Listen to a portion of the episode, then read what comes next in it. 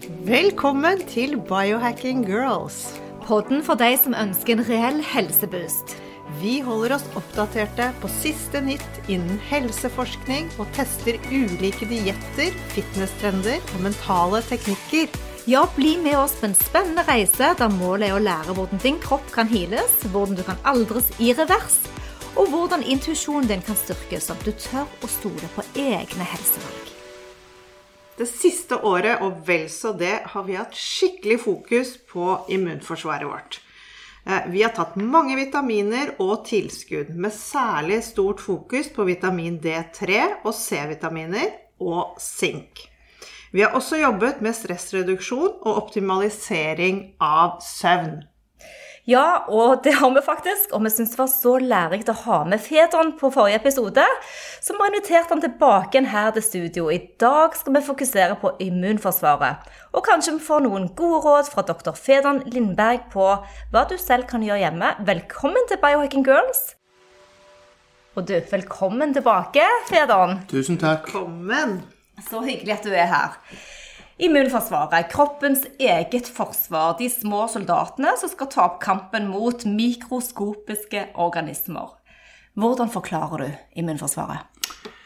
Immunforsvaret er jo ganske komplisert, så jeg skal prøve selvfølgelig så godt jeg kan å gjøre det enkelt. Men eh, som Einstein sier, sier gjør det så enkelt som mulig, men ikke enklere enn det, fordi da blir det jo feil. Så jeg skal prøve. Eh, Egentlig så er det ikke immunforsvar bare, det er immunsystem eh, det er snakk om. Fordi immunsystemet vårt har flere eh, oppgaver eh, og består både av celler, hvite blodlegemer, og det fins en haug med forskjellige og forskjellige undergrupper av de også, som har veldig konkrete oppgaver. Og så består det også av slimhinner eh, såkalte barrierer som vi har.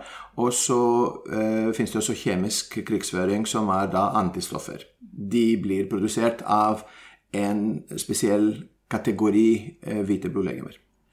Så vi skal begynne kanskje først med den fysiske barrieren som vi mm. har. Eh, og den består både av eh, huden vår, så den eh, beskytter oss egentlig eh, mot inntrengere. Eh, og så har vi da eh, slimhinner. Eh, og det har vi både i munnhulen, det har vi i hele mage- og tarmsystemet. Vi har det i bronkiene, altså i lungene. Og kvinner har det også i skjeden. Så dette er altså fysiske barrierer som da sørger for at eh, en del ting ikke eh, går igjennom og kommer inn i kroppen slik at de kan lage problemer. Men selvfølgelig, dette er ikke eh, det er ikke jeg skulle si vanntette, men i hvert fall det er ikke, det er ikke helt tette barrierer. fordi det er meningen at vi, skal, en god del ting skal slippes inn i kroppen vår. Hvis du tar huden, f.eks. Huden vår absorberer eh, veldig mye av, fra miljøet og det vi putter eventuelt oppi. Eh, og, og, det er spesielt da det som er fettløselig, som da opptas veldig. Og Derfor så vil du også se at veldig mye av kosmetikk har jo en eller annen form for oljebase eller fettbase. Eh, og, og, så har vi jo da eh, så, så, så, så, den opptar jo en del ting. Og eh, den opptar også tungmetaller. Eh, den opptar dessverre også eh, organiske miljøgifter. Eh, så har vi da mave- og tarmslimhinnen, hvor den største overflate sånn sett er jo tarmen. Den har en overflate som er like stor som en tennisball.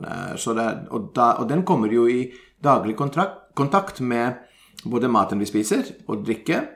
Eh, og alt det som kommer inn med det, fordi det vi spiser, er jo ikke sterilt, og det skal det heller ikke være. Så der har man jo flere, eh, flere barrierer. Eh, I, I mavesekken så eh, har vi jo magesyre, som dreper de fleste, men ikke alle, eh, bakterier eh, og mikrober. Og så har vi da i neste omgang så har vi selve tarmslimhinnen, som øh, i det store og det hele er intakt. Hva betyr det? Det betyr at denne tarmslimhinnen består bare av ett lag med celler som uh, kalles enterocytter, altså tarmceller.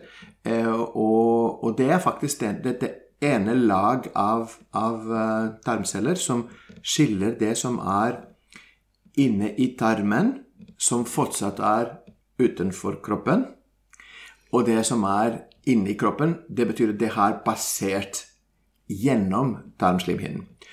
Og det betyr at uh, ideelt sett så skal det som er mening å gå gjennom, bl.a. næringsstoffer, det skal gå gjennom membranene i, i tarmceller, uh, og ikke mellom de.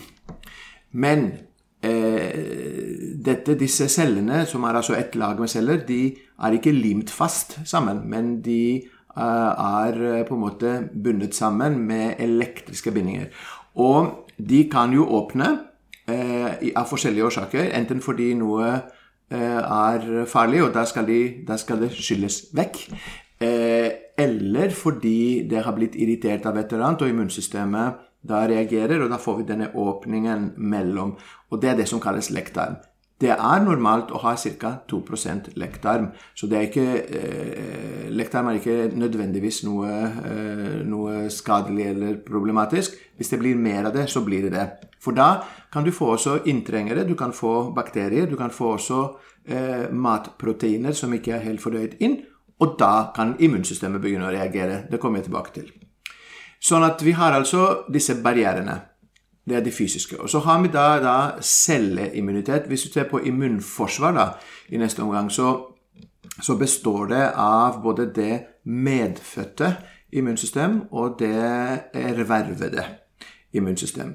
Eh, så når vi blir født, så blir vi født faktisk med et immunsystem. Eh, men det immunsystemet er jo utrent fordi eh, når vi er inne i, i livmoren, altså som embryo, som foster, så er det jo det, det er et sterilt eh, miljø. Så eh, det betyr at eh, immunsystemet får et slags sjokk eh, ved fødselen.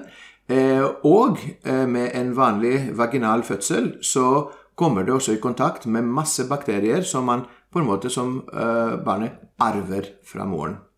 Det skjer ikke på samme måte selvfølgelig med keisersnitt. Derfor så er det jo også viktig og best selvfølgelig å bli født med vanlig fødsel. Eh, men immunsystemet kommer da automatisk ved fødselen så kommer det i kontakt med bakterier. Og da begynner det å jobbe. Og eh, i tidlig barndommen så skjer en veldig viktig del av treningen av eh, immunsystemet. Eh, både i forhold til å lære å Eh, å angripe det som eh, kan være potensielt skadelig, men ikke minst det å lære å tåle det som ikke er det. Så toleranse er jo veldig viktig for immunsystemet, så immunsystemet vårt skal ikke hele tiden angripe. Eh, og hvis det går galt og begynner å angripe hele tiden, så begynner det å angripe egen kropp, og da får vi autoimmune sykdommer og allergier. Så Eh, så da har vi altså det medfødte immunsystemet. Så, og det er en livslang læring. Den eh, går i skole liksom kontinuerlig og lærer uh, å, å, akseptere noe, og tåle altså noe, og, og, angripe noe annet. Og det, det medfødte immunsystemet består av celler. Og det er jo en haug, som sagt, med, med forskjellige hvite blodlegemer Eh, som har eh, veldig spesialiserte funksjoner. En veldig viktig gruppe i så måte er det som kalles T-celler. T-lymfocytter. Eh, og de har mange undergrupper. Sånn at det er, det er fotsoldatene våre. Når det kommer noe nytt, altså en, en, en ny, en ny bakterie, som f.eks. nå med covid, så, eller virus, da, i så måte, så er det de som på en måte skal kjenne igjen at her er det noe eh, som eh, ikke burde være. Eh, og da vil de gå til angrep hvis alt fungerer som det skal. Mm. Og for at alt skal fungere som det skal, så må dette er celler, så de trenger jo næring, og de trenger, en, altså de trenger masse ting, som også resten av kroppen for så vidt trenger, for at det skal fungere normalt. Og de kan også bli påvirket negativt av andre ting. Et eksempel, og det fins spennende forskning på det, det er hvilken akutteffekt har sukker i kosten eh, på immunsystemet. Da har man altså sett at eh, etter et eh, sukkerrikt måltid, så har man målt evnen til disse T-cellene til å angripe, og sett at de blir redusert i flere timer etter et måltid. Så vi påvirker jo immunsystemet vårt med alt vi gjør. Men vi reagerer jo veldig forskjellig òg på et type virusangrep. Noen blir veldig syke, mens noen blir litt mindre syke. Hvordan eh, virker disse T-cellene så forskjellig i alle kropper? altså Uavhengig av sukker, som du snakker om, men sånn generelt sett? Ja, altså, eh, Selvfølgelig finnes det alltid kan man si, genetiske forskjeller eh, som kan gjøre noen, at noen er mer mottagelige enn andre. Når det gjelder f.eks. covid nå, eller det gjelder influensa, det fins en viss prosent som faktisk ikke engang kan bli smittet. Altså Det vil si at du kan, du kan bli utsatt for masse Eh, det som kalles for virusbelastning, eller virus load på engelsk, og likevel ikke bli eh, smittet i det hele tatt. Eh, vi har det til og med i, i, i vennekretsen her, hvor vi vet at eh, f.eks. en mor eh, har eh, to barn. Et barn ble smittet og ble syk, ikke alvorlig syk, men i hvert fall syk. Og de andre to ble testet hele tiden i flere flere omganger og ble aldri smittet, selv om de bor jo tett. Eh, og så noen måneder senere så ble det andre barnet eh, smittet, eh, og, mm, mens moren eh, aldri ble smittet. Wow. Eh, og det er jo Så det er, det er, mye mer komplisert enn det blir presentert, og sånn er alltid sannheten, dessverre. Det er sammensatt. Så det finnes sikkert eh, både genetiske årsaker til det, og det finnes definitivt også miljømessig, eller vi kaller det epigenetisk, dvs. Si ting som skjer som, som, på en måte skrur av og på gener, og som gjør at, eh, at eh, man reagerer på forskjellige, eh, på forskjellig vis. Men det har også utrolig mye å si. altså En ting er å ikke bli smittet engang, men når du blir smittet, hvorfor blir noen nesten ikke syk, altså ingen sykdommer? Det er de fleste, heldigvis. Eh, hvorfor blir noen syk og får symptomer? Og hvorfor blir noen alvorlig syk? Og I denne sammenheng så må jeg si at jeg har opplevd det sånn utrolig skuffende over hele den pandemien, hvor stor hvor ensidig fokus har vært på å unngå å bli smittet, som jo til syvende og sist egentlig er nesten umulig et eller annet sted. Hvis ikke du skal stenge samfunnet helt, som vi har gjort med ganske stor kostnad. Um, og ikke på hvorfor og hva man kan gjøre for å styrke eh, vår evne til å stå imot. Eh, eller eh, når man først har blitt smittet, og ikke bli alvorlig syk. Og her finnes det masse forskning som dessverre ikke kommer videre. Og det har vært også veldig lite interesse fra pressen, syns jeg er veldig rart. Eh, og det har også vært litt bastante meninger fra eh, ymse eksperter som har uttalt seg og sagt at, det er ikke noe du kan gjøre for ditt immunsystem osv. Og, og det er jo egentlig fullstendig feil. Det er feil, for det, dette er jo en av våre kampsaker. Ja. Veldig kampsaken ja. vår, ja. Absolutt. Og nå har du vært litt inne på det, men hva er egentlig årsaken til at immunforsvaret svekkes, og at det ikke kan gjøre jobben sin? Nå har du jo snakket litt om sukker, blir det svekket, men hva er andre årsaker til at immunforsvaret vårt plutselig ikke vil mer?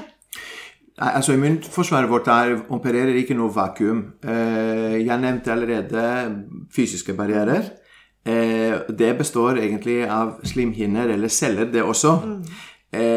Og så har jeg snakket om, om det medfødte immunsystemet som har celler.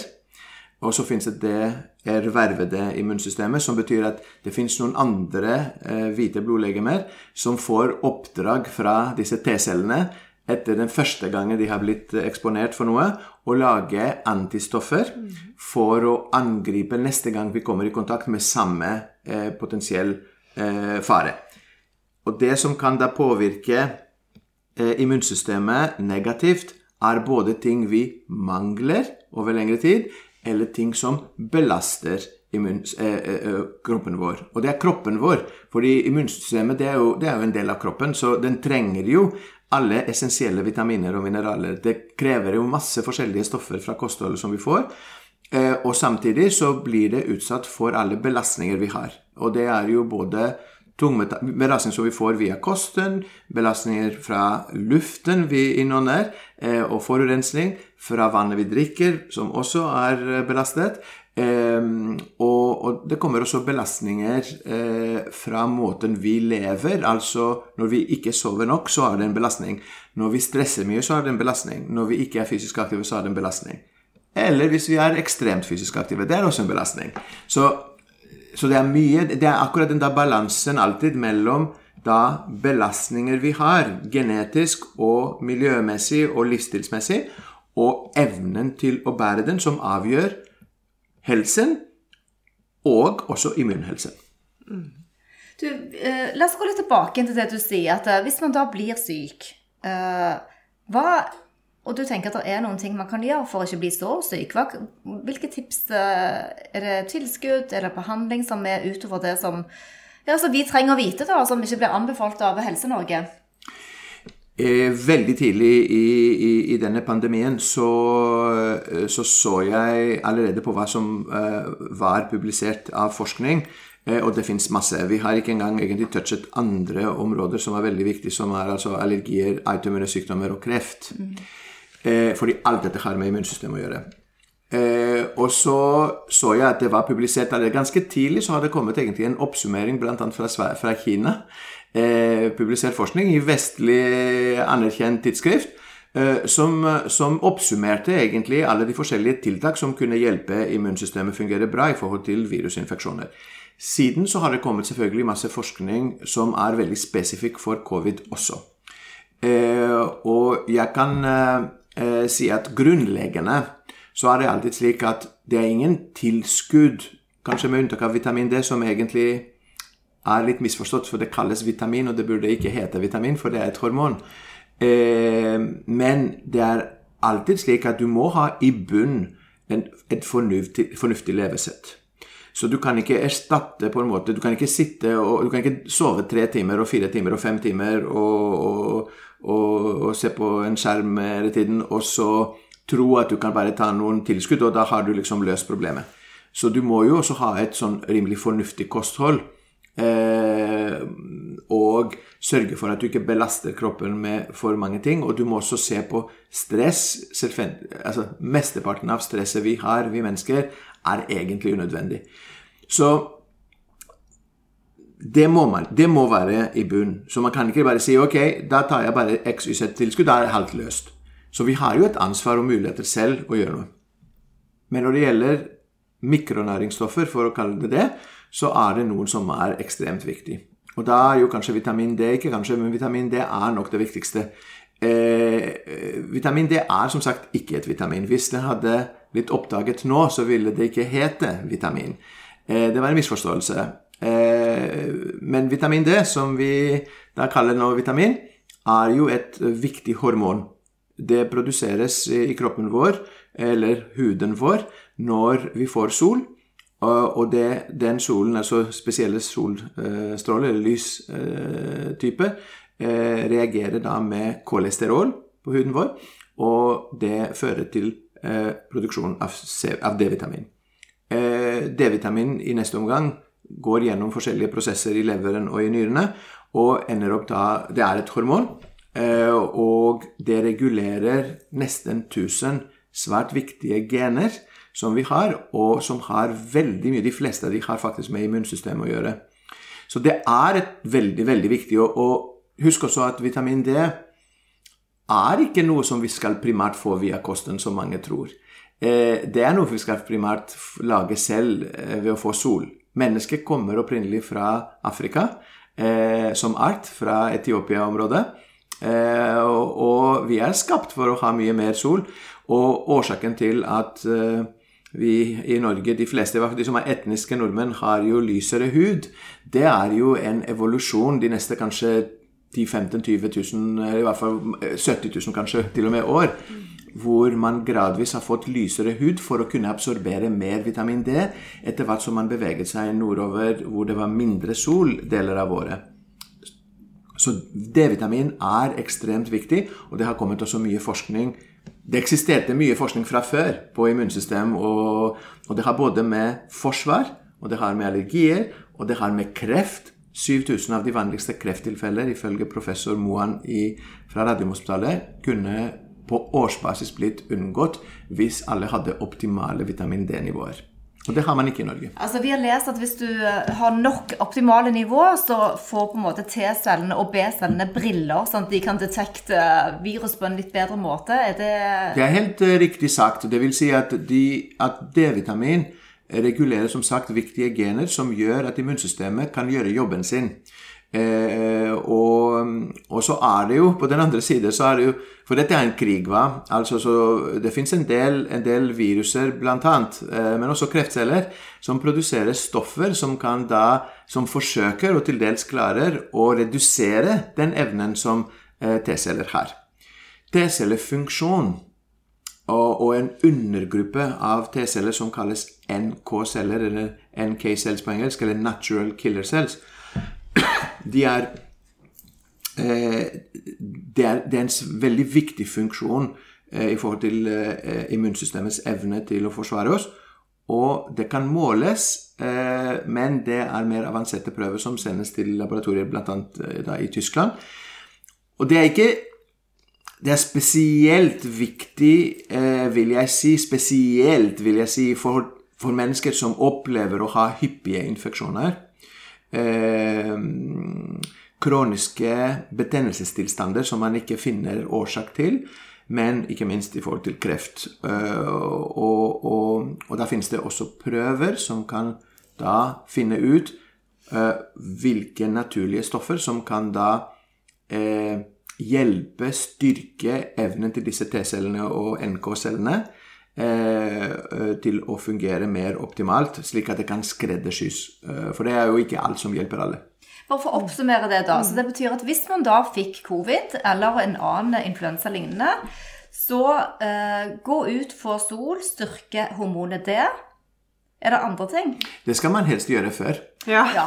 Men hvis man da blir syk Jo, det kan man også ja. gjøre. Fordi, fordi når det gjelder D-vitamin, det vi kan si det er at, at eh, Nå har det blitt litt mer opp, en del oppmerksomhet i hvert fall rundt vitamin D, men det er fortsatt mange som ikke vet nok om det, eller som ikke tror at de selv mangler det. Eh, og, og, og også en stor misforståelse er at man får nok vitamin C, D i Norge ved å ta tran, og det er det ikke. Og da gjelder det bare å få det målt. Eh, det er to muligheter her. Det er å gå til fastlegen og, og betale egenandel, eh, for så eventuelt å få fastlegen med til å henvise. Eh, for så betaler man jo ingenting. Eller rett og slett å få det målt. Eh, fordi det er, nordmenn vet ikke at det er fullt mulig å betale selv og få tatt hvilken som helst prøve, egentlig, eh, fra et i hvert fall private laboratorier. og jeg kan nevne Fyrst, som er veldig vanlig i Norge. Eh, Det er et privat laboratorium, så du kan jo ringe og så si at jeg vil bare gjerne få målt vitamin D-nivået mitt, eh, og betale for det. Og jeg tror du kommer ikke så veldig langt unna hvis du tar med også egenandelen. Eh, så eh, men- Heldigvis har du mange tester inne på hjemmesiden fedon.no, så det går an å få tatt disse testene. Altså det er veldig bra at de som vil sikre seg litt mer, de kan få muligheten til det. De kan få muligheten, og da er det jo viktig at D-vitaminnivå er på et optimalt nivå. Og blodverdier for det er jo Altså det som er normalt, er 50-150 eh, nanomol per liter. Men normalt er jo et latinsk ord som betyr vanlig. Og vanlig er ikke nødvendigvis bra. Eh, vanlig er jo i Norge å være overvektig, men det er ikke bra. Vanlig er det å ha relativt høyt kolesterolnivå, det er ikke nødvendigvis bra. Så det er mye av det som er vanlig, som ikke er bra. Eh, og, og derfor så er det eh, spørsmål hva som er optimalt. Og optimalt blir jo Man finner hva som er optimalt, nettopp ved å se hvilket nivå gir f.eks.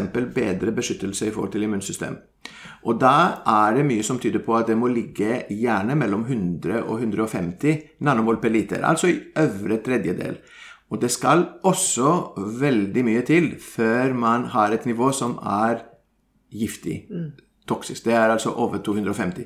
Så over tid. Så det skal mye til, selv med relativt større doser tilskudd, før det blir problematisk og farlig. Eh, så da Mitt råd er få, få det målt.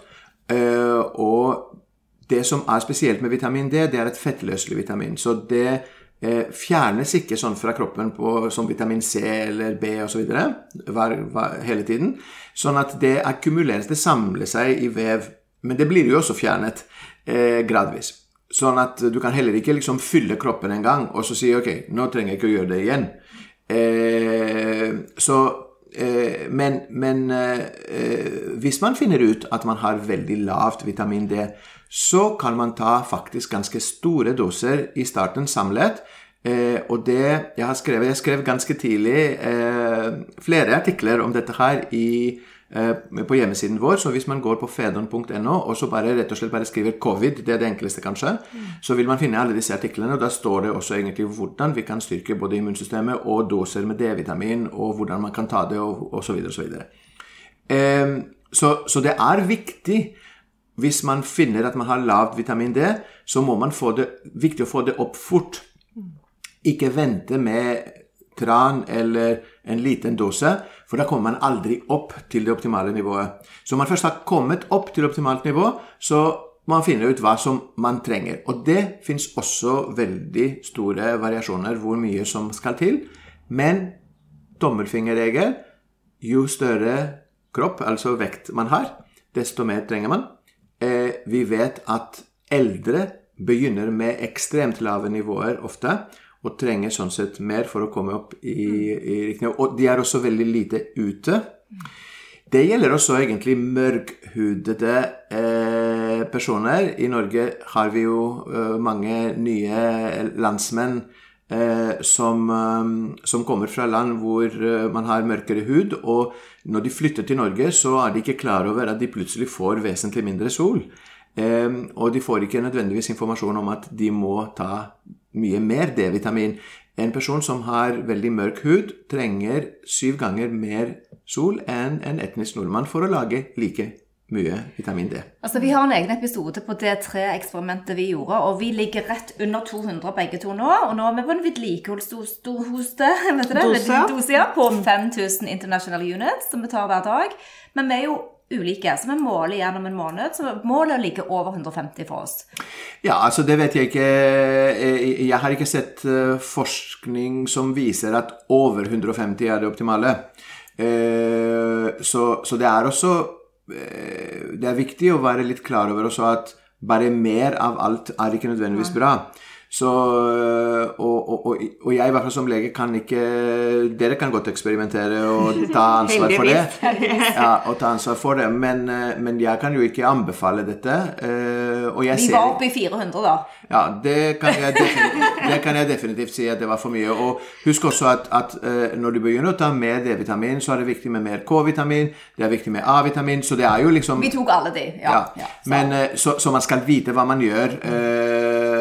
Og måle, ikke minst, uh, hvis man skal gjøre noe sånt. Men, men, det er ikke nødvendig for folk flest. Så folk flest, hvis de, hvis de ligger rundt 100-120 osv., så, videre, så er det jo veldig bra.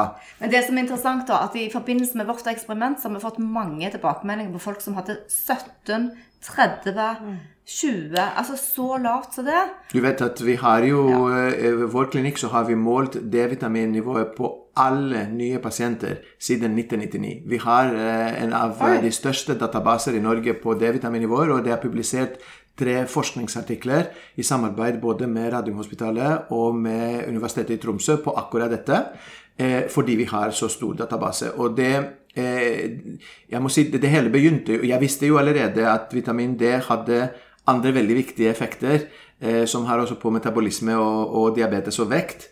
Eh, men det her med autoimmune sykdommer og, og, med kreft og med, med, infeksjoner. Så Derfor så var det eh, viktig for oss å, å, få det målt, og det fikk vi mot hos alle. Og vi ble jo sjokkert over hvor lavt nivå eh, de fleste hadde og har. Eh, og, og, i begynnelsen så trodde jeg Eller jeg tenkte kanskje så var det helt feil noe feil med laboratoriet, og jeg tok kontakt husker jeg med hormonlaboratoriet på Aker sykehus, for det, der de ble analysert. Og så, og så sa jeg at dette må jo være noe galt med prøvene eh, de analyserer.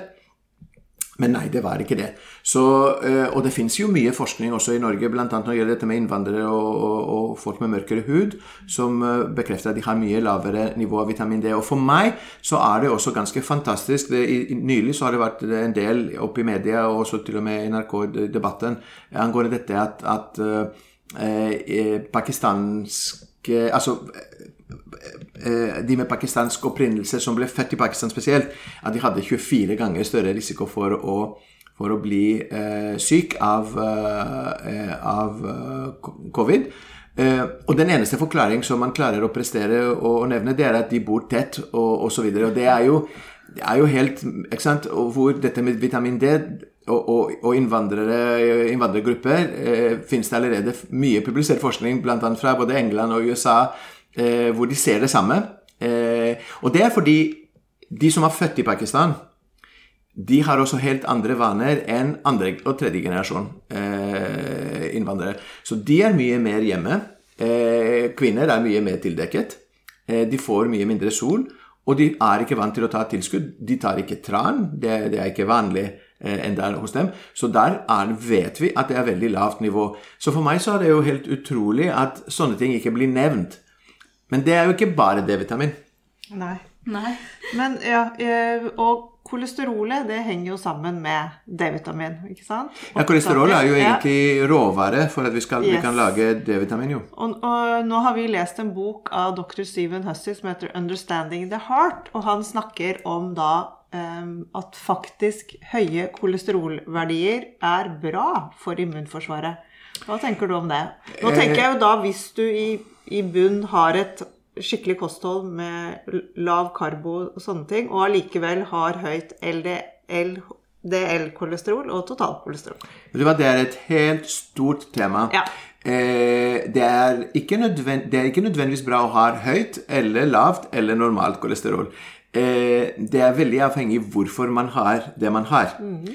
Eh, at kolesterol er livsviktig hele kroppen vår består av kolesterol. Alle celler, eh, Våre cellemembraner de består av kolesterol. Så uten kolesterol så ville vi vært todimensjonale. Vi var som pannekaker.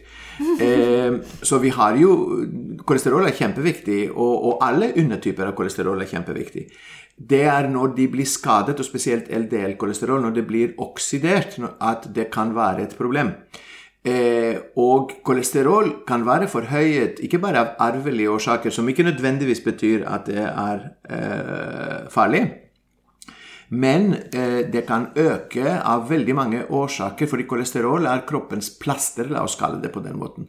Eh, hvis det oppstår en skade et eller annet sted, hvis du kutter deg, hvis du slår deg, så vil det bli en inflammasjon der, en betennelse. Og så hele poenget med betennelse, det er å reparere. Og for å reparere så trenger du byggesteiner. Du skal lage nye celler, og du skal reparere eller skal lage arrvev f.eks. hvis det er kutt.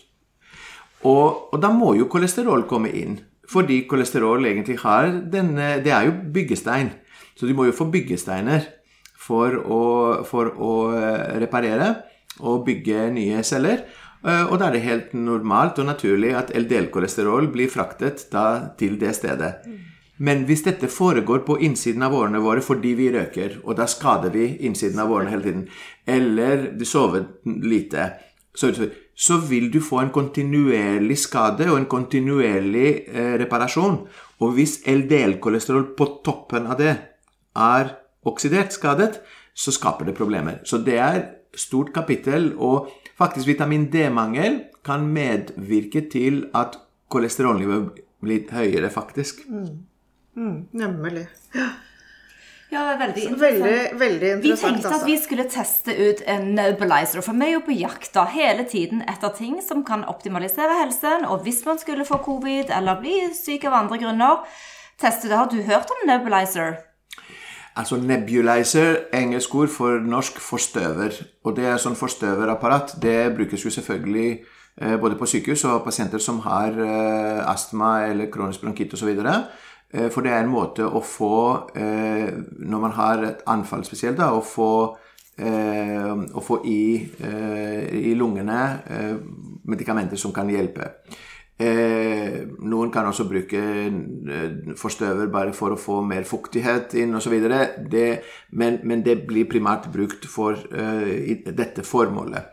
Eh, nå er det også interessant nok, kan jeg si, når vi først snakker om ting som kan hjelpe i forhold til eh, både covid og andre eh, luftveisinfeksjoner, så er det jo et naturlig stoff, mens i Norge så er det det er registrert som medikament og selges på apotek, som heter det, Selve stoffet heter N-acetylcystein.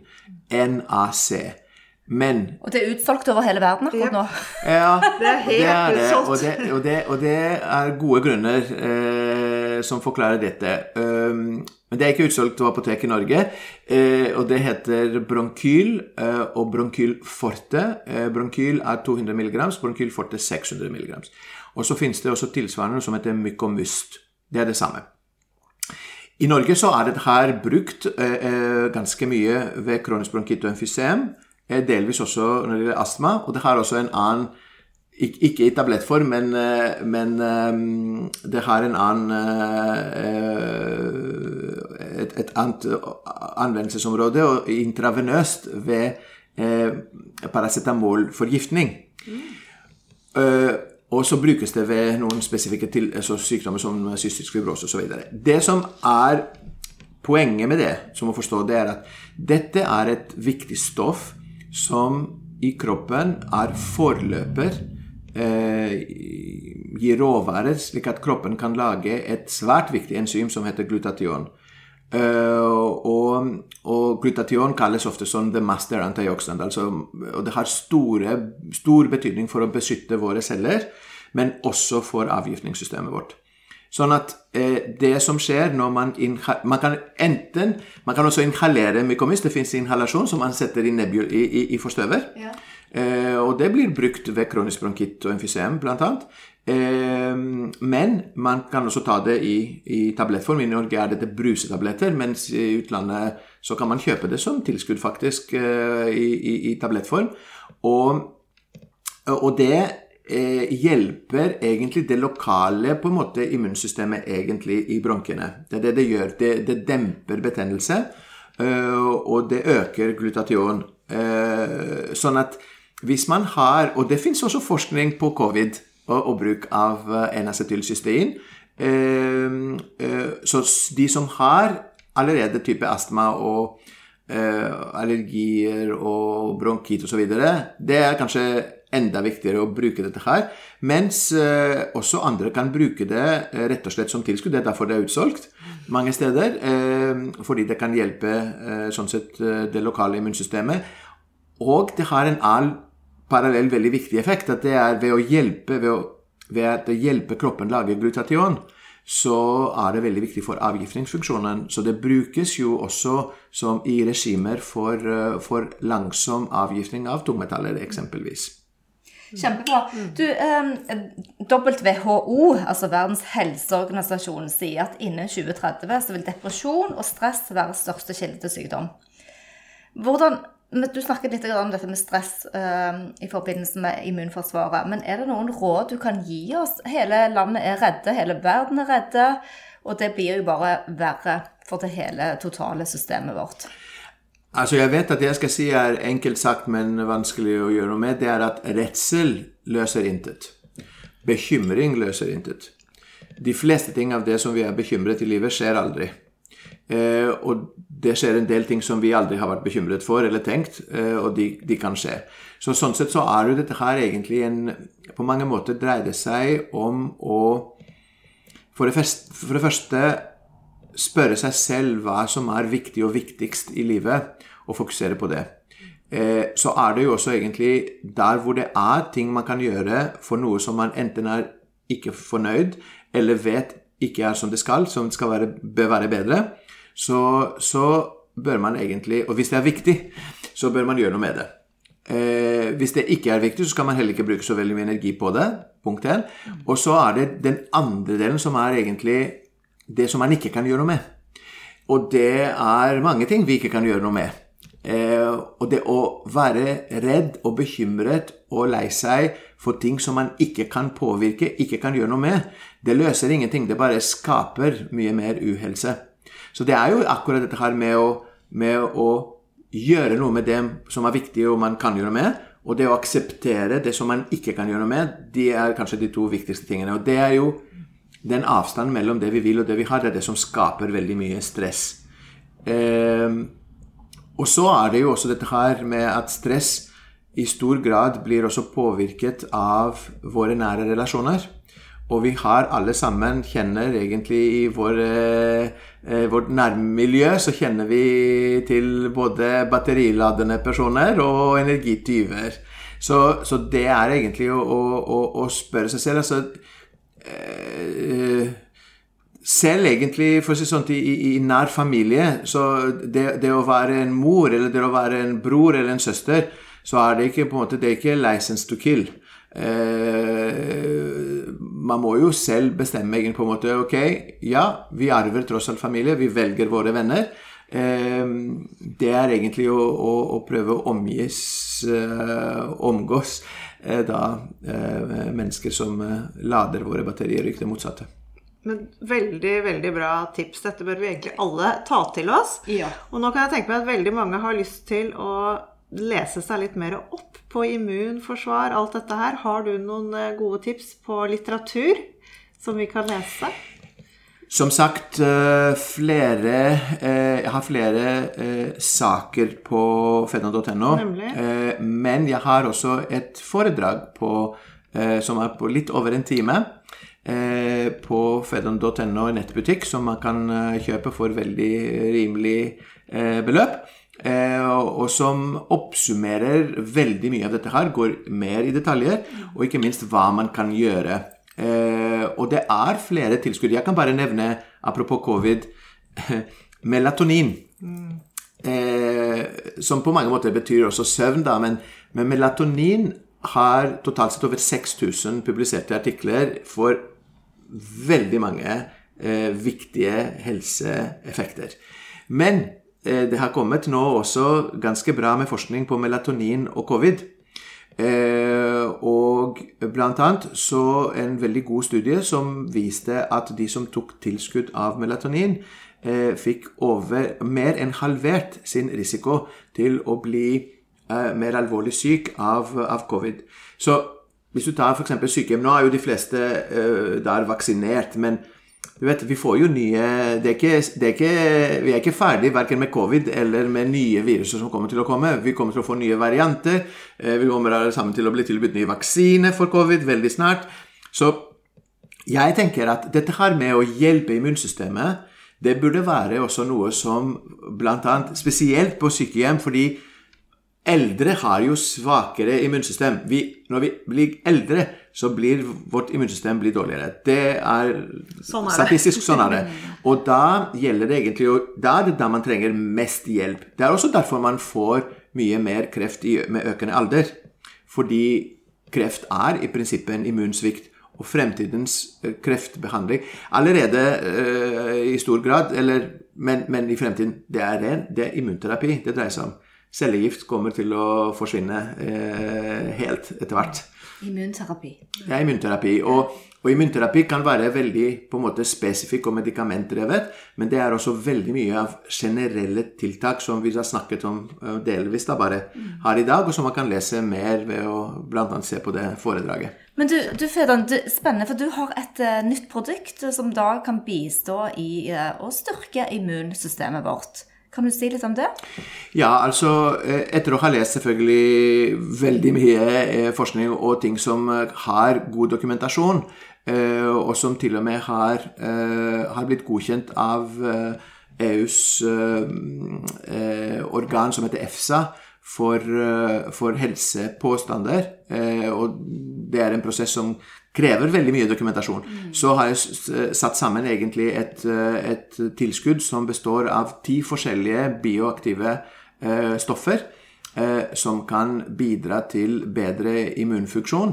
Eh, og det kommer en sånn en immunbooster som eh, da eh, kommer ganske snart, eh, om noen få uker i hvert fall hos Norge. Immunbooster. Du må Ja. si disse Ja, hva- ingrediensene. Ja. Bare bestå, fortell. Nå ble jeg veldig nysgjerrig. Ja, det er mange. For du har jo vitamin C, og dette er meningsfulle doser Ja. av disse. Fordi du har veldig mange Det som er litt av problemet med mange tilskudd også, det er at de kan inneholde mange ting, men i, i såpass liten dose at det egentlig er mer kosmetisk. ikke sant? Det, det virker sånn som noe er veldig bra, og så når man begynner å se på, på, på, på mengden av de tingene, så er det ikke tilstrekkelig for å ha effekt. Så det er vitamin C, det er eh, Hvor stor dose da med vitamin C? det er 200 milligram. Ja. det er eh, eh, Det er vitamin C, det er eh, vitamin B12, eh, folat, eh, det er sink, eh, selen. Eh, det er eh, probiotika, eh, altså eh, gunstige tarmbakterier. Det er noe som heter en, en ut som heter andrographis paniculata. Det er vitamin D, og der er 50 mikrogram, så det er en ganske bra dose med D-vitamin. Det er beta-glukan, som har kjempebra dokumentasjon på, på dette med immunsystemet. Eh, og så har vi også et veldig viktig stoff som heter laktoferin, som da eh, eh, også har viktig effekt samtidig på immunsystem, samtidig som det også bidrar med, med jern eh, på en veldig sånn absorberbar måte. For jern er også veldig viktig for immunsystemet. Så det er jo et eh, veldig mm, bra, eh, gjennomtenkt Men hvis du da tar en multivitamin som de fleste gjør, og tar litt omega-3, de fleste har noen sånne basics, kan man ta den i tillegg? Ja, det kan man. Og hvor mange piller per dag? Det blir en pille per dag hvis man, som forebyggende, og hvis man har en pågående infeksjon, så er det to per dag. Spennende. Og alt dette Ja, men det var utrolig eh, interessant. Takk for praten, Fedon. Du er er et leksikon. Det, vi elsker å snakke med deg. Det er hyggelig. Og tusen takk til dere der hjemme som har lyttet på. Vi håper at dere har fått masse gode tips. Vi gleder oss i alle fall til både foredraget til Fedon på, på hjemmesiden der. Det var jeg innom og tittet på. Alette, det, det er en time, så det må vi sette oss ned og studere enda mer. Og masse gode preparater ellers. Vi bruker multivitaminen, som vi også kan kjøpe hos Fedon. Og probiotika. Og i det hele tatt så, så har vi fått noen nye tips der òg. Og NRC skal absolutt inn i husapoteket vårt eh, igjen. Tusen takk til dere der hjemme. Håper dere fikk masse inspirasjon, og vi legger som vanlig linker under podkasten her. Happy biohacking! Vi minner om at dere må snakke med egen lege eller kostholdsveileder om dietter eller andre spørsmål relatert til medisiner og supplementer. Informasjonen vi deler kan ikke bli brukt til å diagnostisere, behandle, forebygge eller kurere noen sykdommer eller tilstander.